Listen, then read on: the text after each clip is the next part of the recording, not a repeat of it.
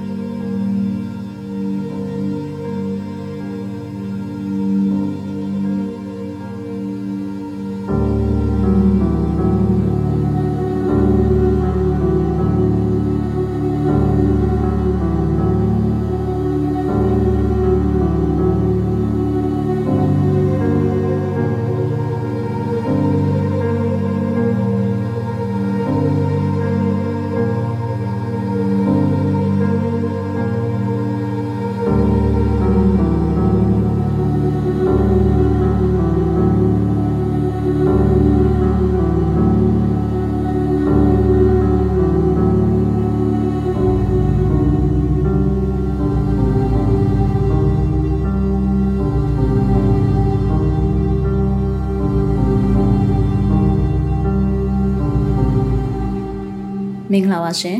မင်္ဂလာပါခင်ဗျာမြန်မာစီနီမာဘလက်တီနက်ဝက်ကထုတ်လွှင့်တဲ့ရီရီမောမောပေါ့ပေါ့ပပအစီအစဉ်ကနေကြိုဆိုလိုက်ပါတယ်ဒီအစီအစဉ်ကမြန်မာလူမှုနယ်ပယ်မှာမတန်ဆွမ်းမှုအသိပညာတွေညှင့်တင်ပေးနိုင်ဖို့မတန်ဆွမ်းအတိုင်းဝန်ကဖြစ်ရက်ဆုံးကဏ္ဍဆုံးကိုမတူညီတဲ့ရှုထောင့်ပေါင်းစုံကနေလွတ်လပ်ပွင့်လင်းတဲ့တွေးခေါ်ဆင်ခြင်နိုင်မှုတွေနဲ့မျှဝေလိုချသူတွေရဲ့အသံတွေကိုပြုစုပြောထောင်ဖော်ထုတ်ပေးနေခြင်းဖြစ်ပါတယ်။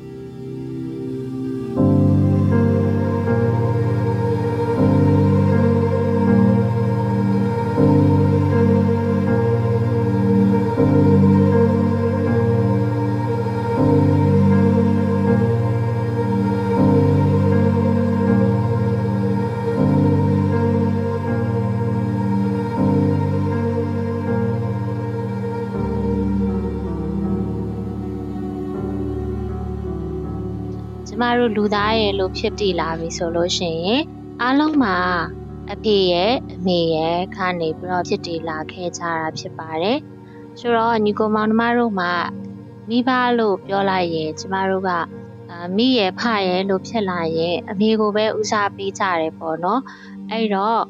အဖေကိုလည်းမင်းနေတတ်ကြပါတယ်။ဘာလို့လဲဆိုတော့ကျမတို့ဆိုရိုးစကားတွေကရှိရလေခလုတ်တေးမှာအမိတ မိခင်ကိုပဲထိတ်ဆုံးမှထားကြတယ်။ပြီးတော့ခုနကတော့ကျမပြောသွားခဲ့တယ်မိခင်ဖခင်ကျေးဇူးရှင်ဆိုလဲမိခင်ကိုပဲထိတ်မှထားပြီးတော့ဦးထိတ်ထားကြတယ်ပေါ့နော်။အဲဘာပဲဖြစ်ဖြစ်အဲ့လိုမျိုးပဲဟိုအမေကိုပဲဦးစားပေးလာပြီးတော့စိတ်ထဲမှာအာရည်ညွှန်းကြတယ်ဟိုမိခင်မြတ်တာကိုခေါ်ညွှန်းကြတယ်အကြောင်းအရာတွေရှိသလိုမျိုးပဲကျမတို့ဖခင်ကိုဖော်ကျူးထားတယ် အကြောင်းအရာတွေလည်းအများကြီးရှိတယ်ဥမာဖခင်မြတ်တာကိုဖော်ကျူးထားတဲ့ကြပြလေးတွေစာပေစာအုပ်တွေအများကြီးရှိရပေါ့နော်ဆိုတော့ဒီတစ်ပတ်မှာကျမကအရင်တစ်ခါပေါ့နော်ကျမဒီအာ2023ခုနှစ်မှာပထမဆုံးဆ iam နွေရနေပြီးတော့ program လေးတွေကိုအသစ်ဖန်တီးပေးရမယ်အာ2022နှစ်တာလုံးနဲ့မတူညီရဲ့ຢာလေးဖန်တီးပေးပါဆိုတော့ဆ iam ပြောတဲ့အခါမှာကျမက အာဖန်တီးပေးမယ်လို့ခရီးပေးရခဲ့တာရှိရပေါ့နော်အဲ့ဒီတော့ဆိုလဲကျမကပထမဆုံးအနေနဲ့ပြသူလာပြည့်နေမှာပေါ့နော်အာကျမရဲ့အမေအကြောင်းကိုကျမကအပိုင်း1ပြီးတော့အပိုင်း2မာတာမိခင်ပဲကင်ရှင်ဆိုပြီးတော့ကျမထုတ်လွှင့်ခဲ့ပါသေးရဲ့ပြိသက်ကြီးမမိမယ်လို့ထင်တယ်ပေါ့နော်။ကဲအခုတစ်ခေါက်မှလည်းကျမကအဖေများနေရနီးလာပြီဆိုတော့ကျမရဲ့အဖေအကြောင်းကိုပဲပြောမှာပေါ့နော်။ အဲ့တော့ကိုယ့်ရဲ့အဖေရဲ့အကြောင်းတွေကိုပြောချင်တဲ့လူရှိလို့ရှင်လဲကျမတို့ကဖိတ်ခေါ်တယ်ပေါ့နော်အခုကျမကလည်းဖေရဲ့အကြောင်းတွေကိုဒီ season မှာအများကြီးပြောသွားမှာဖြစ်တယ်ပေါ့နော်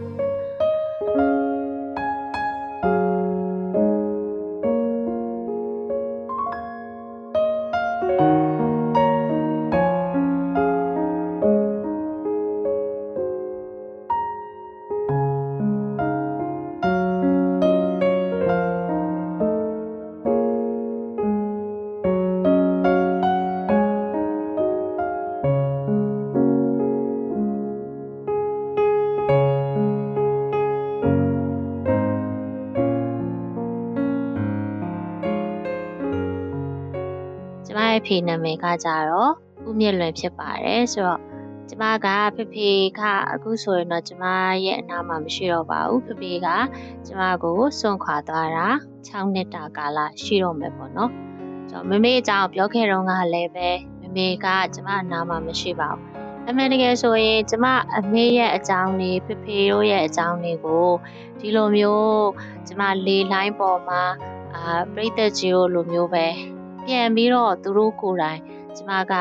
ဖခင်မေတ္တာဖော်ကျူးထားတဲ့အရာတွေသူတို့ရဲ့မေတ္တာကိုဖော်ကျူးထားတဲ့အရာကိုသူတို့ကိုယ်တိုင်နားဆင်ခံစားစီချင်တာပါဒါပေမဲ့သူတို့ကကျမနဲ့အတူမရှိတော့ဘူးပေါ့နော်အဲပထမဆုံးပြောချင်တာကတော့တကယ်လို့များကိုယ့်ရဲ့အနာမှာဖေဆိုတာတက်ရှိထင်ရှားရှိမယ်ဆိုရင်အများကြီးချစ်ပေးပါဆိုတာကိုဒီ program လေးမစခင်မှာကျမကပြောချင်တာဖြစ်ပါတယ်။အဲတော့ကျမရဲ့ဖေဖေက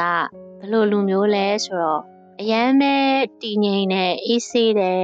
နောက်ရောင်ရဲတင့်တိတ်တတ်တယ်ပြီးတော့တစ်ဖက်သားပေါ်မှာကျင်နာတတ်တယ်ပြီးလို့ရှိရင် ဖေကလောဘလည်းမကြီးတတ်တဲ့လူမျိုးတစ်ယောက်ဖြစ်တယ်ပေါ့နော်။ဖေဖေကဗမာလူမျိုးဖြစ်ပါတယ်။အဲဖေဖေနဲ့မမေစားတွေ့ခဲ့တဲ့အကြောင်းကိုအမေအကြောင်းတွေပြောတော့ကလည်းကျွန်မပြောခဲ့ပြီးပေါ့နော်။အဲဒါမဲ့ဒီမှာနည်းနည်းလေးမေ့သွားမှဆိုလို့ပြန်ပြီးတော့ပြောပြပေးမယ်။အဖေဖေကကြတော့ပဲခူးမြို့မှာနေထိုင်တာဖြစ်တယ်။ပဲခူးမြို့ကမုံတိုင်ရွာရွာများပေါ့နော်။ဒါ ဖေရဲ့မွေးရစာတီမျိုးဖြစ်တယ်။ဖေဖေရဲ့အမေတွေဖေတွေပေါ့။ကျမရဲ့အဖိုးတွေဖွာတွေပေါ့နော်။အဲသူတို့ကကြတော့ဦးကျော်မောင်နဲ့ဒေါ်တင်ကြီးဖြစ်ပါတယ်လို့နော်။ဖေဖေနဲ့မေမေနဲ့တူညီတဲ့အချက်ကကျမတို့ကအဖိုးဖွားတွေမှာအဖွားနှစ်ယောက်လုံးကနာမည်တူနေရပေါ့နော်။မေမေရဲ့အမေကလည်း ဒေါ်တင်ကြီးဖေဖေရဲ့အဖေကလည်းဒေါ်တင်ကြီးဖြစ်ပါတယ်။အော်မမေဘက်ကအဖိုးတွေဖွားတွေရဲ့နာမည်ကခင်လန်းနဲ့ဒေါ်တင်ကြီးဖေဘက်က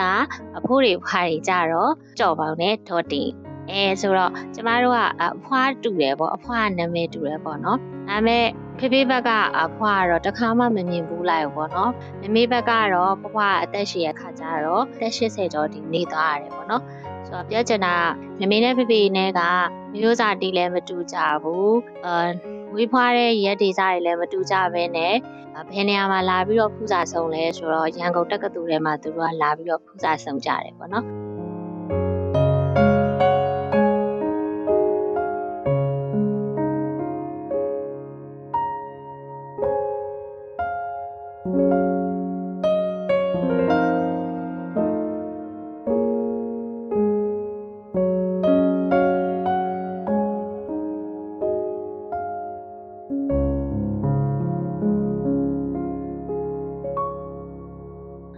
ဖေဖေအကြောင်းပြန်သွားမယ်ဆိုဖေဖေကအဲသူကပဲခူးမျိုးကမုံတိုင်ရွာမှာမွေးဖွားတယ်သူ့ရဲ့မွေးရစာတီးကပဲခူးမျိုးဖြစ်ပါတယ်ပြီးတော့ဖေဖေကတကယ်ကိုမှဖေဖေတို့ရဲ့ဟိုအဖိုးတွေဖွားတွေကလေအရန်ပဲဆင်းရဲကြတယ်ဆင်းရဲတယ်ဆိုတာအခြေခံလူရန်စားတွေဖြစ်တယ်ပေါ့နော်ဖေဖေကတကယ်ကိုမှအာဘဝသိတယ်လို့လည်းပြောလို့ရတယ်ပြီးတော့ဖေဖေဘဝကကြမ်းတမ်းခဲ့တယ်ပေါ့နော်ဖေဖေကငယ်ငယ်တုန်းကဆိုလို့ရှိရင်ဘိမ့်မုတ်ရောင်းခဲ့ရတာ ဆိုတော့ပြိသက်ကြီးကိုထင်အောင်ထင်မှာမဟုတ်ဘူးเนาะဖေးရဲ့အမေနဲ့ဖေကအာဒီစစ်တပ်ထဲမှာပေါ့နော်အာအဖိုးကလေရဲဘော်ဆင်းနဲ့နေခဲ့ရတာဖြစ်ပါတယ်အဖိုးကစစ်မှုတန်းလည်းဖြစ်တယ်အဲအခြားအဆင့်ပေါ့နော်ဟိုရဲဘော်ဆိုတဲ့အခါကျတော့ယာဒူးလည်းမရှိဘူးဂုံတိန်လည်းမရှိဘူး အဖွားကြတော့ဒီအခြားဆင်းရဲ့အမျိုးသမီးတယောက်အနေနဲ့သူတို့ကစစ်တပ်ထဲမှာလိုက်နေရပြီးတဲ့ခါကျတော့ရှည်တန်းထွက်ရတာတွေလည်းရှိတယ်အဲ့တော့အဖိုးရဲ့ဝင်ငွေနဲ့မလုံလောက်တဲ့ခါကျတော့အဖွားကအဲဒီသူ့ရဲ့သားသမီးတွေငွေကြေးလုံလောက်ဖို့အတွက်အိမ်မှာအဲဘိမုတ်လေးတွေဖုတ်တယ်အားဆိုဖေကမနှက်ကြလို့ရှိရင်ကြောင်းမသွားခင်မှာဘိမုတ်ကလေးကိုခေါင်းမော့တင်ပြီးတော့ဖန်းလေးကိုလေခေါင်းမော့တင်ပြီးတော့ဈေးအောင်ရတယ်လို့ကျမတို့ပြောခဲ့တယ်ပေါ့နော် ဖေကသူ့ဘဝအကြောင်းတွေတခါလေကြာရင်အာဖေဖေတို့ငယ်ငယ်တုန်းကအရန်ပဲဘဝကကြမ်းတမ်းခဲ့တာသမီးတို့လိုမျိုးရောမုတ်ဘိုးပေးလိုက်မယ်သွားစားကြောင်းသွားလို့ရှိရင်အစင်သင်မုတ်ဘိုးပေးနိုင်တဲ့အဆင့်မရှိခဲ့ဘူးလို့ကျမတို့အများနဲ့ပြောခဲ့တယ်ပေါ့နော်အဲ့ဘိမုတ်တွေရောင်းလို့ရတဲ့ပတ်စံကို तू ကအာကျမရဲ့အဖွာကိုအပ်တယ်သူ့အမေပေါ့နော်အပ်ပြီးတာနဲ့သူကចောင်းဝိဆောင်လေးလဲပြီးတာနဲ့ចောင်းသွားခဲ့ရတယ်ပေါ့နော်ဖေဖေဘဝအရန်ကြမ်းတမ်းတယ် လိုပဲစူးစမ်းရုံးကဲ့ရင်းနဲ့မှဖေဖေကနောက်ဆုံးကြတော့ရန်ကုန်တက္ကသိုလ်ထဲမှာတက္ကသိုလ်တက်ရတဲ့အဆင့်ထိပညာတက်ကြီးဖြစ်ခဲ့တာပေါ့လေ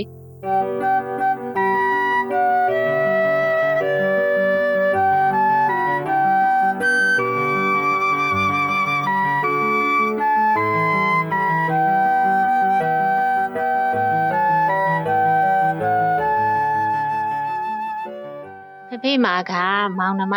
ပေါ့နော်အများကြီးရှိတယ်ပေါ့နော်မွေးချင်း9ယောက်ရှိတယ်ပထမအကိုကြီးဦးအေးလွယ်ပေါ့နော်ပြီးလို့ရှိရင်ဦးမမောင်လွယ်ပြီးရင်ဖေဖေဦးမြင့်လွယ် ဦးမြင့်လွယ်ပြီးရနဲ့ဒေါ်တတန်ထေပြီးရင်ဦးဖောင်းကျော်ဆိုပြီးတော့ရှိရပေါ့နော်ဆိုတော့အခုလက်ရှိကကြတော့ဦးမမောင်လွယ်တို့ဦးအေးလွယ်တို့ကတော့ကျမရဲ့ဦးလေးတွေဖြစ်တဲ့သူတွေကပေါ့နော်တက်ရှိကြမရှိကြတော့ပါဘူးကျန်တဲ့မောင်နှမတွေကတော့အခုရှိသေးရပေါ့နော်ဖေဖေရဲ့ညီမကကြတော့ဒီရန်ကုန်မြို့မှာရှိတဲ့ကျမတို့မင်္ဂလာတုံးနဲ့မနီးမွေးပါမယ်ရွှေနတာမှာနေထိုင်ကြတယ်ပြီးတော့ကျမရဲ့ဦးလေးကကျမရဲ့အခုနေနဲ့မနီးမွေးလေးမှာ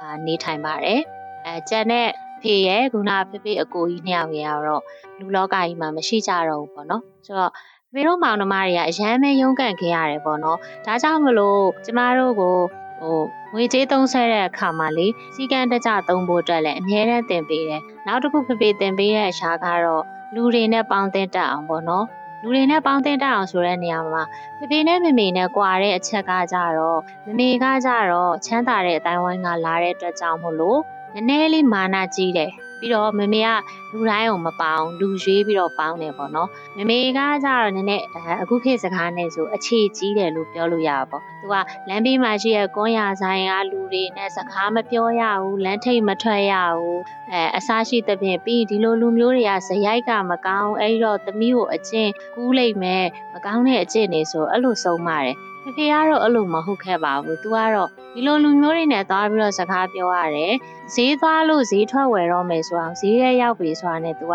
ဒီလိုမျိုးဆိုင်ကြီးပေါ်မှာရောင်းနေတဲ့ပစ္စည်းကိုမဝယ်နဲ့သမီးအားမပေးနဲ့ဒီလိုအောက်မှာရောင်းနေတဲ့သူတွေစီကအားပေးရတယ်။ဘာဖြစ်လို့လဲဆိုတော့အောက်မှာဒီလိုမျိုးဖြန့်ခင်းပြီးတော့ရောင်းနေတဲ့သူတွေကငွေကြေးလဲပိုလိုအပ်တယ်ပြီးတော့စင်တန်းလဲပေါ့နော်နှိမ့်တဲ့အတွက်ကြောင့် ငွေကြေးပတ်စံလိုအပ်တယ်သူတို့ကဟိုချို့တဲ့တယ်ပေါ့အားကြောင့်သူတို့စီမှာအားပေးရမယ်သူတို့စီကဝယ်လို့ရှင်လဲဘယ်တော့မှဈေးမစစ်နဲ့ဆိုပြီးတော့တင်ပေးတာရှိတယ်ဒါကြောင့်ဖေဖေရဲ့ကောင်းတဲ့ချက်တွေပေါ့နော်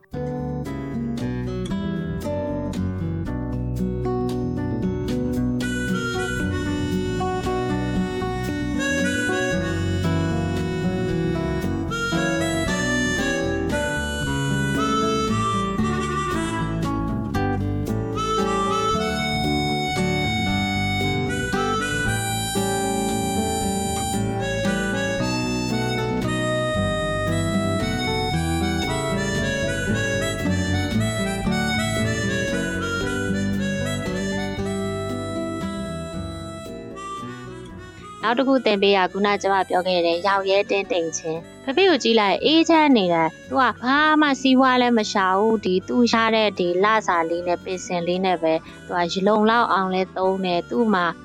အစားတော့သူစားတော့ဆိုရင်သားသမီးကိုလည်းအများကြီးကျွေးတယ်ကောင်းတဲ့အရာတွေအငဲဝယ်ကျွေးတယ်ပေါ့နော်အဲဒီရှိတဲ့ပတ်စံနဲ့သူက လောက်အောင်လဲသုံးတယ်ပြီးတော့ထပ်တိုးရှာတာမျိုးမရှိခဲ့တဲ့အခါကျတော့ကျမတို့ကဖေဖေကိုကြည့်ပြီးဖေဖေကလည်းဝင်ငွေထပ်ရှာရမှာပေါ့ဖေဖေအဲ့လိုမရှာလို့အမေကပင်မန်းနဲ့မမေကထပ်ရှာရတာဆိုတာမျိုးအတွေးဝင်ခဲ့တယ်အမှန်တော့မဟုတ်ပါဘူးပေါ့နော်တခြားစဉ်းစားကြည့်မှဆိုကျမတို့လောကကြီးမှာကိုယ်မှရှိနေတာလေးနဲ့လောက်အောင်မျှအောင်သုံးပြီးတော့ရောင်ရဲတက်တဲ့စိတ်ကိုအဖေကတင်ပေးခဲ့တာပေါ့နော်သူကိုယ်တိုင်လည်းအမြဲပြောတယ် ရောက်ရဲတင်းတိမ်တာငါကပြင်းနေတာမဟုတ်ဘူးငါထပ်ပြီးတော့ဝင်ငွေတွေပတ်စံတွေမရှာခြင်းလို့မဟုတ်ဘူးဒီလောက်တစ်လကိုဒီသူရနေတဲ့ပင်စင်လေး3သိန်းပေါ်မှာ2သိန်းပေါ်မှာပဲသူကစိတ်ချမ်းသာမှုသူရှိတယ်ပေါ့နော်အဲ့ဒီကောင်းတဲ့အချက်ကောင်းတဲ့အရာတွေကိုကျမတို့ကပြပြစရာသင်ကြားခဲ့ရတယ်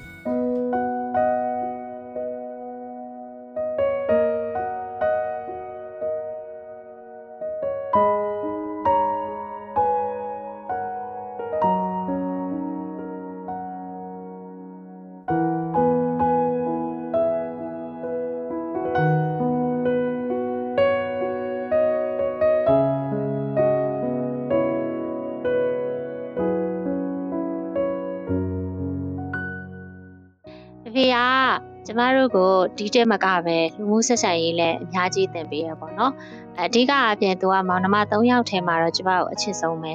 အဖေဆိုတာကသမီးကိုချစ်တယ်လေနော်ဒီစကပုံလည်းရှိတဲ့အတိုင်းကိုအဖေကကျမကိုအရင်ချစ်တယ်နောက်တစ်ခုကအာကျမကမောင်နှမ၃ယောက်ထဲမှာအဲကျမ်းမာရေးချို့တဲ့ဆိုမွေးဖွားလာတဲ့အတွက်ကြောင့်လည်းဟုတ်တယ်ပြီးတော့ဒီအာ main ကလေးလည်းဖြစ်နေတဲ့ခါကျတော့ အာဒီလိုကျမ်းမာရေးချို့တဲ့ပြီးတော့မှအာဒီလူဘဝထဲမှာကြာကြာမနေရတော့ဘူးလို့သူတို့ကိုသူတို့သိတဲ့အချိန်မှာသူတို့စိတ်မချဆုံးကကျမပဲဒါပေမဲ့လည်းကျမကသူတို့ပေးခဲ့တဲ့တတိရအများကြီးရှားခဲ့တယ်ပေါ့နော်သူတို့သင်ပေးတဲ့ရှားတွေအများကြီးရှိတယ်။ဘာကြောင့်လဲဆိုတော့ကျမအတွက်သူတို့ကြိုတင်ပြင်ဆင်မှုတွေအားလုံးအများကြီးလုပ်ပေးထားတာရှိတယ်ပေါ့နော်။ဒီအကြောင်းချက်တွေအားဖြင့်လည်းအဖေကကျမအတွက်လေးစားစရာပုံကိုယ်တယောက်ဖြစ်တယ်။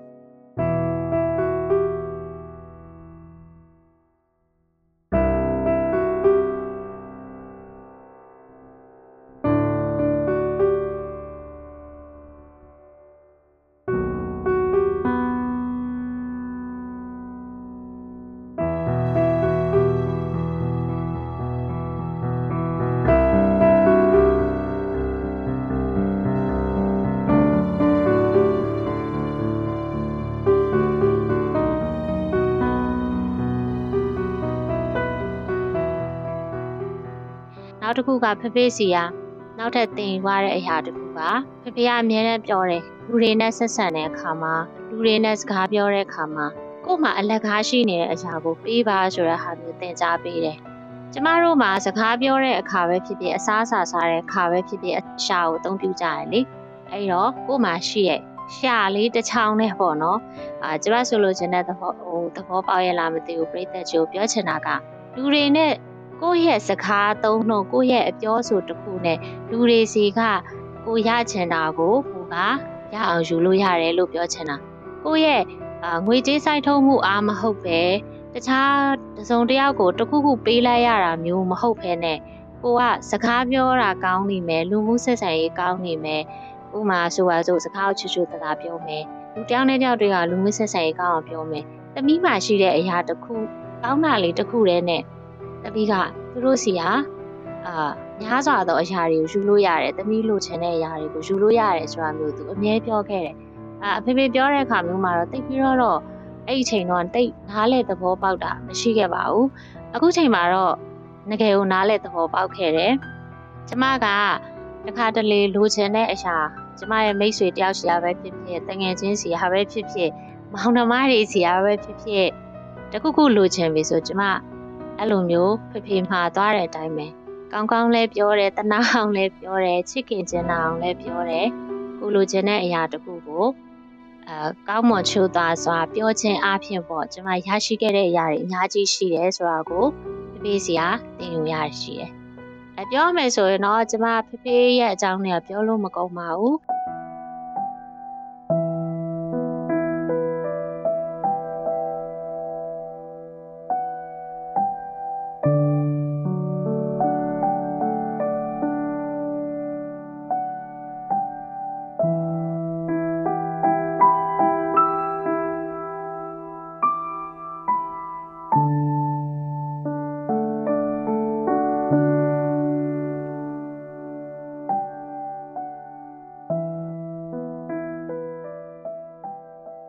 ကျွန်တော်ဖေဖေအကြောင်းထပ်ပြီးတော့ပြောချင်တယ်ဒီဓာတ်ပုံလေးထဲမှာဆိုရင်ဒါဖေဖေငငယ်တုန်းကပေါ့နော်တက္ကသိုလ်ကျောင်းသားဘွားတုန်းကရိုက်ထားတဲ့ဓာတ်ပုံလေးကျွန်တော်အာဖေဖေကအရန်ချော့တယ်လို့ထင်ရတယ်ပေါ့နော်ဖေဖေကအရက်က9ပေနဲ့10လက်မှရှိတယ်ဆိုတော့ဒီနေရာမှာကျွန်မနည်းနည်းပေါ့နော်ကျွန်မရီးစရာလေးပြောချင်တယ်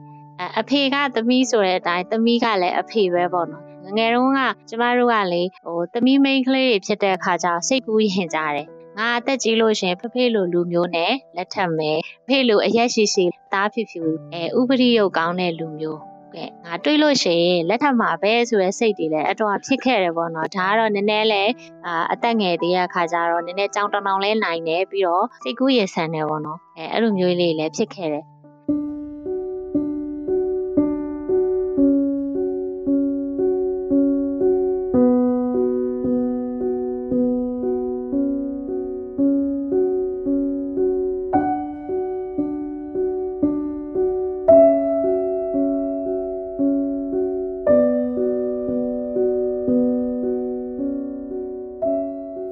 ခုအစီအစဉ်ကိုမိတ်ဆွေတို့အနေနဲ့အစအဆုံးနားထောင်ပြီးပြီဆိုရင်တော့မိမိတို့ရဲ့သဘောထားမှတ်ချက်များကိုပေးနိုင်ပါပြီနော်ဒီအစီအစဉ်နဲ့ပတ်သက်ပြီးမိတ်ဆွေတို့ရဲ့မှတ်ချက်ပေးခြင်းအကြံဉာဏ်ပေးခြင်းမေးမြန်းခြင်းတို့ကိုလည်းအထူးပဲဖိတ်ခေါ်ပါရစေမိမိတို့ရဲ့ပူပေါင်းတင်ဆက်မှုအတွက်ဒါမှမဟုတ်စုံစမ်းမေးမြန်းမှုအတွက်စိတ်ဝင်စားတဲ့ဆိုရင်တော့ myanmarcinemaability@gmail.com ဒါမှမဟုတ်တင်ဆက်သူများရဲ့ Viber နံပါတ်များဖြစ်တဲ့ကိုပြည့် 39 26 125 6493နဲ့မနွေ39 453939 69352တို့ကိုဆက်သွယ်ဆောင်ရွက်နိုင်ပါတယ်။မိတ်ဆွေတို့အနေနဲ့ဒီစီစဉ်ကိုမတိသေးသူများတည်ဖို့လိုအပ်နေသူများမတန်ဆွမ်းရေးကိုမိမိတို့ရဲ့လုပ်ငန်းခွင်အသီးသီးမှာထည့်သွင်းဆောင်ရွက်ဖို့စိတ်ဝင်စားသူမြည်သူကိုမဆိုထပ်ဆင့်ဝေမျှပေးရင်သတင်းကောင်းပေးနိုင်ပါတယ်။မြန်မာပြည်သူပြည်သားများအားလုံးမတန်ဆွမ်းမှုအသိပညာတွေတိုးပွားက ခွဲခြားဆက်ဆံမှုကင်းပြီးအားလုံးအကျုံးဝင်တဲ့လူမှုအတိုင်းအဝန်တစ်ခုကိုအမြန်ဆုံးဖော်ဆောင်နိုင်ပါစေလို့ဆန္ဒပြုရင်းဒီကနေ့အစီအစဉ်ကိုဒီမှာရန်နာပါရစေ။တောတာရှင်အားလုံးနေ့ရက်အသက်တိုင်းမှာကောင်းစည်းမင်္ဂလာပေါင်းများစွာရယူပိုင်ဆိုင်နိုင်ပါစေလို့လည်းကျွန်မကဆုတောင်းမြတ်တာပို့တာအပ်ပါတယ်နောက်ပတ်စနေနေ့ည9:00နာရီမှာပြန်ဆောင်ကြရအောင်နော်။